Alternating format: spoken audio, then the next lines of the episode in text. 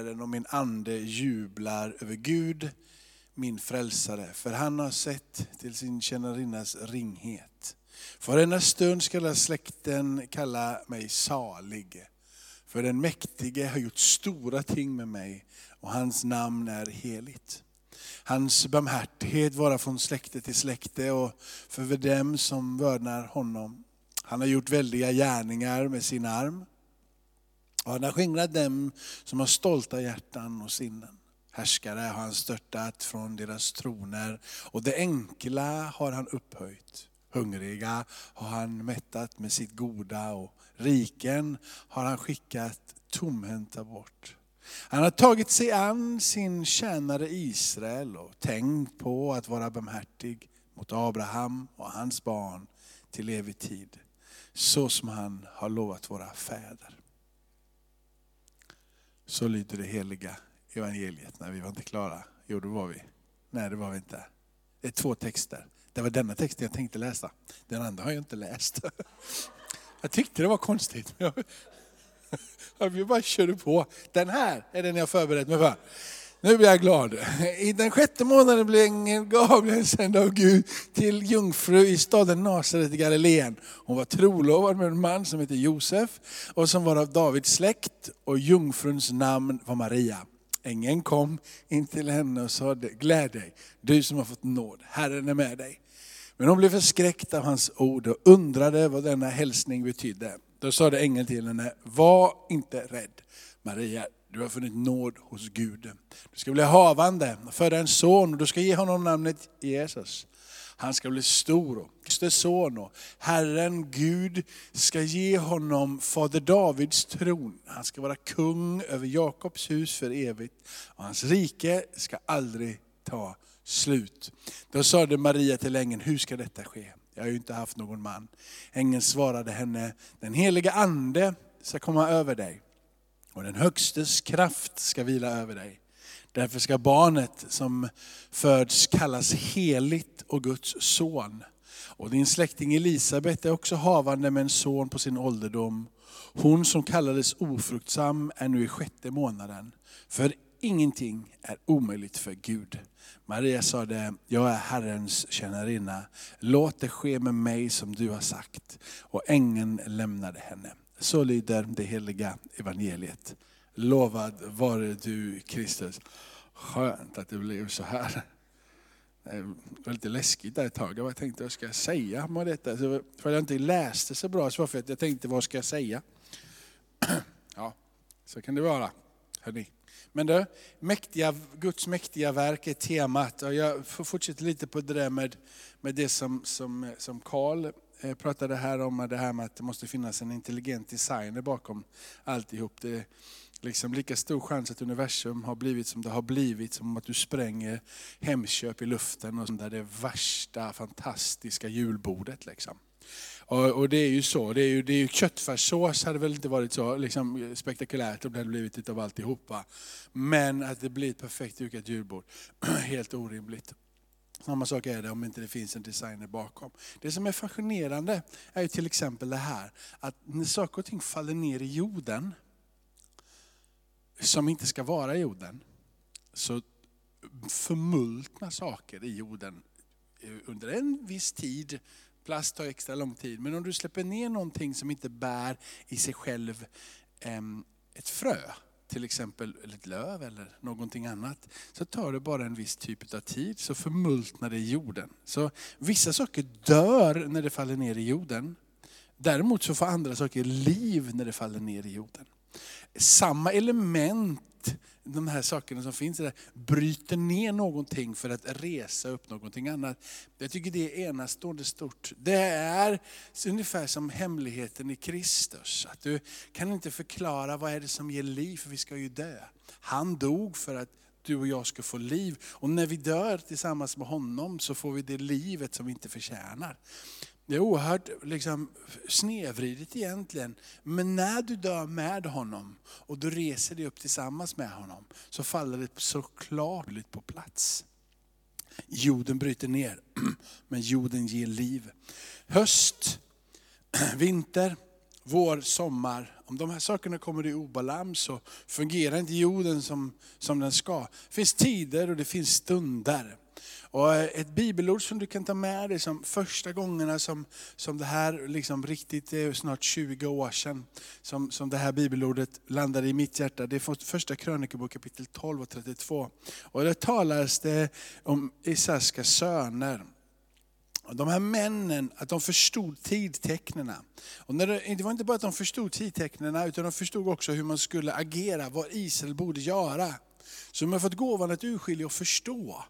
Men också förmågan att leda rätt när man inte kunde förstå annat än det sättet, eller genom deras gåva som hade blivit dem given. Änglar, som det talas om i den här berättelsen. Så fråga mig, tror ni på änglar? Så är ni ju en sällsam dum skara, höll jag på att säga. För, för är det någon som har sett en ängel? Men det är ingen som har sett Jesus heller, men du tror på både Jesus och du tror på änglar ändå. Änglar talar Bibeln om är skapade varelser som tillhörde himmel. Den, den, änglarna fanns alltså före den skapelse som du och jag lever i. Jorden och oss och det vi ser är en dimension. Men änglarna är inte del av den dimensionen. Änglarna är del av den himmelska väsenden, himmelska delen. Den som du och jag inte kan se med våra fysiska ögon.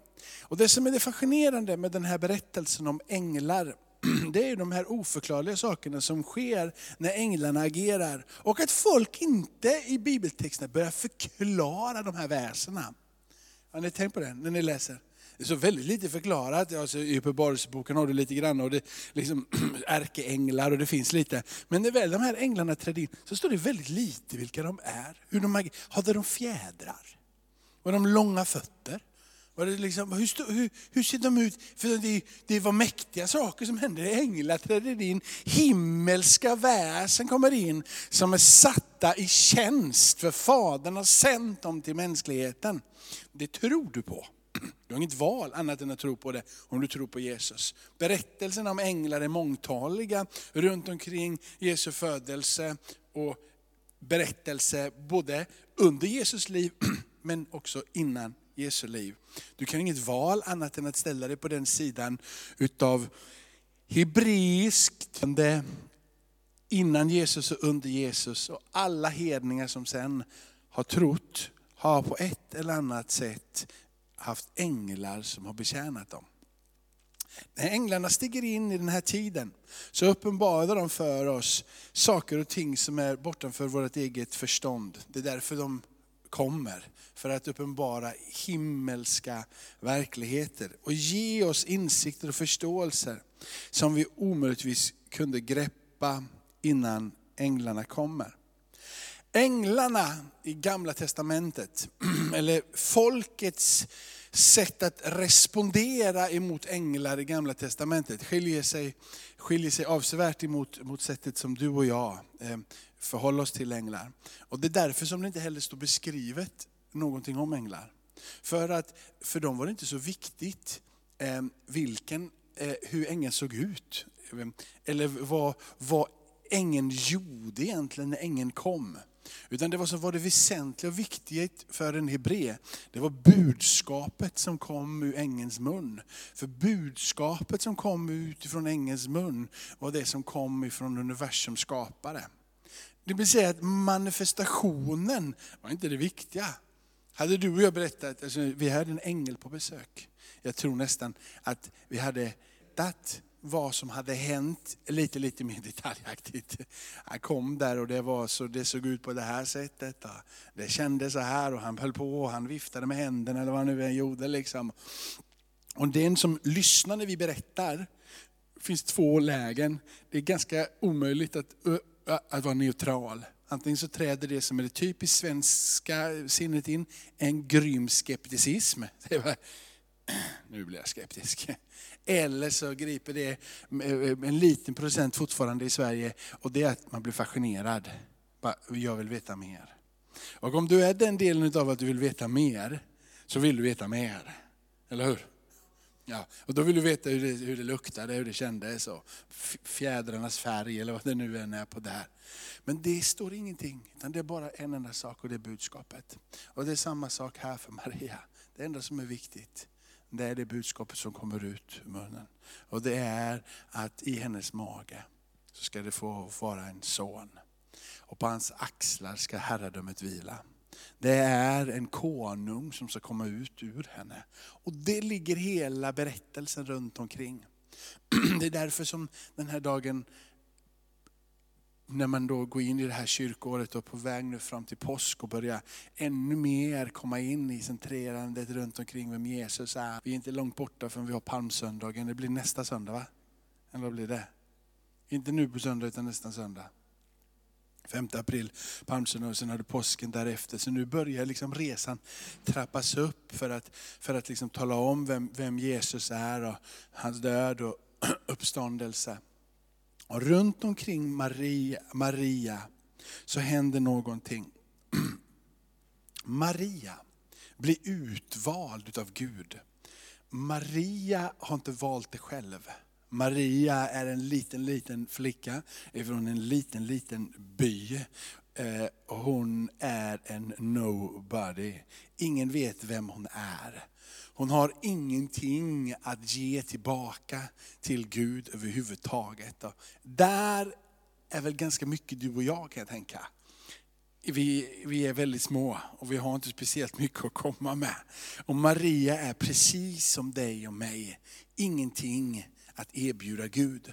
Annat än att låta den nåden som Gud låter komma över henne, bli till en kraft i hennes liv där hon reser sig upp och säger, jag är redo för tjänst för dig.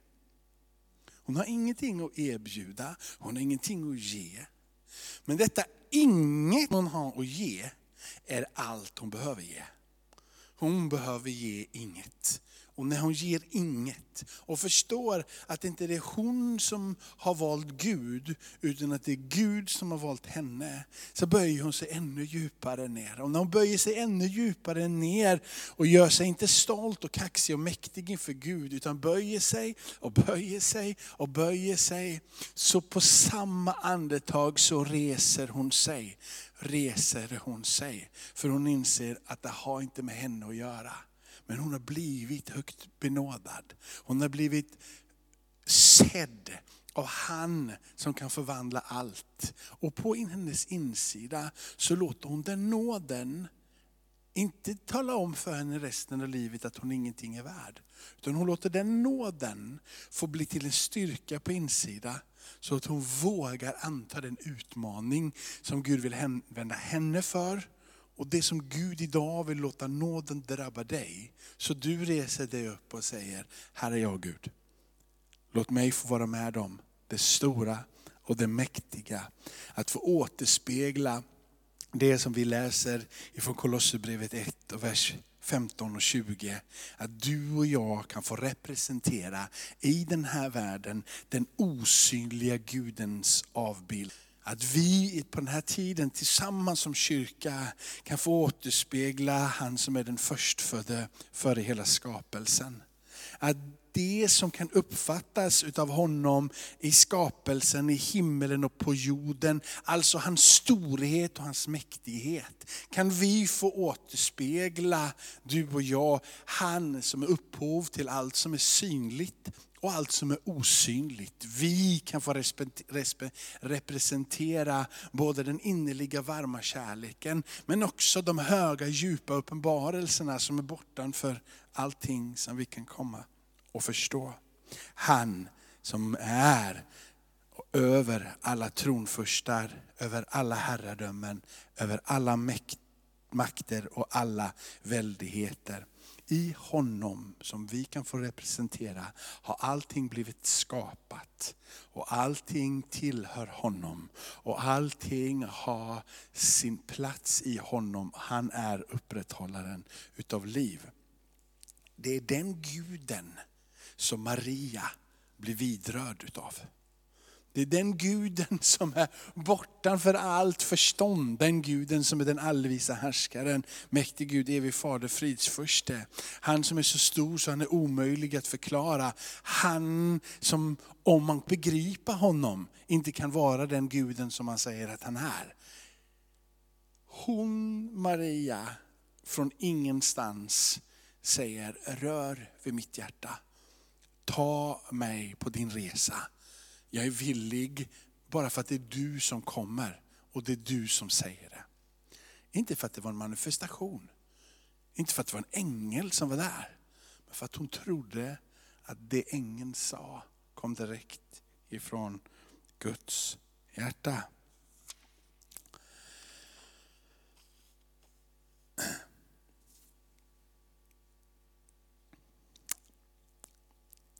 I Romarbrevet 9 så har du en rubrik. Och I Romarbrevet 9 så står det i den här rubriken Guds rätt att välja. Och Gud på något förunderligt sätt har valt att inte låta hans val basera sig på hur du är. Det du är och det du har är inte någonting som på så sätt attraherar Gud. Det är inte så att han ser dig Maria och tänker, nu har du bakat många kakor, jag väljer henne. Eller så ser han Kamin och säger, du är väldigt duktig på det här Kamini, så väljer jag Kamini. Och så ser han på Jakob och säger, Jakob du får gå hem. Det finns inte någonting av det i Gud. Gud är oberoende på vilka vi är. Och när han väl väljer någon, så gör han det inte för min eller din skull, att han väljer dig och mig, utan gör det alltid för de många skull. Så om Gud låter sin nåd komma över mig, och den nåden gensvarar jag på, och det blir till kraft i mitt liv att resa mig upp, så har det skett bara för en enda sak, och det är för att bli er till gagn. Inte för att vara mig till gagn, utan vara er till gagn. Så varje gång Gud med sin nåd rör över någon och någon gensvarar, och någon får kraften att säga sitt ja och sitt amen och, och röra sig in i det som Gud vill, så har det med den andra att göra, eller med folket att göra. Så när Gud väljer någon, och då kan en del säga, men varför väljer Gud den ena och den andra? Varför valde Gud Maria och inte någon? Och så var alla de där olika sakerna som man, kan, som man kan undra varför och varför och inte och vad det nu än må vara. Men det vore ju rätt dumt om man inte valde någon. Eller jag skulle säga, det vore rent koko. Att, alltså, eller hur? Alltså, någon måste ju bli som blir vald. Det är, liksom, eh, det är inte bara allting är bara en grå massa. Det måste finnas någonting. Men det som det nu är så att det är oberoende på dig och mig, men det ligger i Guds goda vilja att välja. Så blir det ju i Guds händer. Och då helt plötsligt så står du och jag på sats och bara säger Gud, jag vill vara ett villigt kärl. För det har inte med dina erfarenheter att göra, eller dina icke-erfarenheter. Utan det enda är ett villigt hjärta. Gud, här är jag. Här är jag. Rör vid mig sänd mig, ta mig vidare. Det står nämligen så här, till exempel i vers 16 i Romarbrevet 9. Då står det så här, det är inte någon människas viljan eller strävan som det beror på. Utan det beror på en enda sak, Guds barmhärtighet. Det är Gud som tar det beslutet, oberoende på människan. Människan får söka Gud och Gud svarar. Det finns en sak till som är väldigt viktig i det här. När du gensvarar på Gud och får vara med om hans mäktiga och väldiga gärningar. Det är frågan om vilken gudsbild har du och var platsar du in i den gudsbilden? Om det är så att du är för mycket av universums centrum så har du fel gudsbild. Den som ska vara universums centrum, det är han. Och om allting kretsar omkring dig så har den bilden som skulle vara väldigt stor blivit väldigt liten. Om du tänker att din värld är hela världen, så har du fått fel. Du är en del utav någonting som är bra mycket större. Det betyder inte att Gud vill att du ska gensvara, precis som Maria får vara universums centrum för en sekund. Gud vill att du ska vara universums centrum. Han vill att du ska få uppleva det, att du ska få känna det. Men Maria är inte universums centrum. Maria blev ett kärl och en tjänare, precis som Jesus kom ner för att tjäna för det många skull. Din och min uppgift är att se och vara en del utav det som är den stora rörelsen. Det Gud gör för landet. Det som Isaiska söner hade som gåva att tyda tecken och tala om för Israel hur Israel skulle agera. På samma sätt så vill Gud låta dig och mig förstå vad det är som sker i den här tiden. Under den perioden när Maria blev kallad var det 400 år sedan som någonting hade blivit nedtecknat utav stort som hände utav profeter eller dylikt i Israel. Det var en vakuum av en oerhört lång period av tystnad. Men helt plötsligt börjar Gud tala igen. helt plötsligt så sänder han änglar. Helt plötsligt så börjar profeterna resa sig upp igen. Och Jesus säger att jag ska sända profeter. Och profetrörelsen är igång. Och det börjar skrivas ner igen texter som förklarar vad Gud igen gör i Israel det har varit en tystnad på 400 år. Det är som om att den profetiska smörjelsen och skärpan kommer tillbaka i livet. För att en liten, liten flicka säger sitt ja och sitt amen, ta din plats i mig. Låt din nåd få verka till kraft. Så förändras ett skeende i hela världshistorien. Tänk ifall du och jag kunde få, på samma sätt i den här tiden, utav lite, lite turbulens, få igenkänna och säga, låt oss få vara i Saskatchewan, låt oss få se vad det är du gör, förstå tecknen i den här tiden. Tala om för församlingen hur vi ska agera, hur Kristi kropp ska agera, vad vi ska göra, hur vi ska föra oss i den här tiden. De här 400 åren för Israel var en tid av en nedåtgående spiral, fullständigt hela vägen. Under den tiden Jesus kommer så är de fullständigt ockuperade utav, utav romarriket och har inget eget inflytande och ingen egen makt överhuvudtaget. De är ett lydfolk under någon som är mycket, mycket större än de själva. Och de har ingenting att komma med. Det har varit tyst. Många olika partier inom Israel och judarna reser sig upp. Ena tycker ditåt, andra tycker ditåt. Det är småuppror hela tiden. Liknar kanske några liksom länder som hela tiden ligger i konflikt och strid med varandra nere i Mellanöstern fortfarande. Den tiden av besvärlighet, det är inte speciellt mycket framgång. Det är inte speciellt rik, de har inte speciellt mycket. Utan det är en ganska tuff situation för, för Israel. Men mitt där så är det en flicka som gensvarar. Och jag tänker, tänk ifall den här tiden skulle kunna vara en sån tid när vi gensvarar på Guds nåd och reser sig upp i hans kraft och får vara ett ljus mer än vad vi alla någonsin kanske kunde drömma om att få vara. Och föra fram ett budskap så som i Kolosserbrevet som vi läste. Så stor är vår Gud. Amen. Tackar dig Fader i himmelen att vi får vara i ditt hus, att vi får be, att vi får eh, läsa ditt ord, att vi får vända tillbaka till skriften, att vi får hitta dynamiken och inspirationen ifrån ditt levande ord Herre. Jag ber Herre att vi ska få Ehm, inte bli fascinerad av det som, det som händer, utan budskapet ifrån dig som livsavgörande. Vem du är, eh, vad du gör, förstår vi och när vi gör det så förstår vi också hur det leder och det är det vi vill. Vi vill vara ledda av dig i den här tiden. Vem du är, vad du gör, ehm, gör att vi förstår hur du leder. Eh, låt oss ännu mer få erfara vem du är. Universums skapare, mäktig Gud.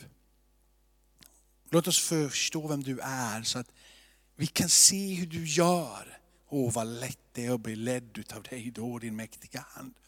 Därför att idag Herre så får vi gensvara som Maria, bara säga Herre jag har ingenting att erbjuda dig men det jag inte har, det är allt jag har.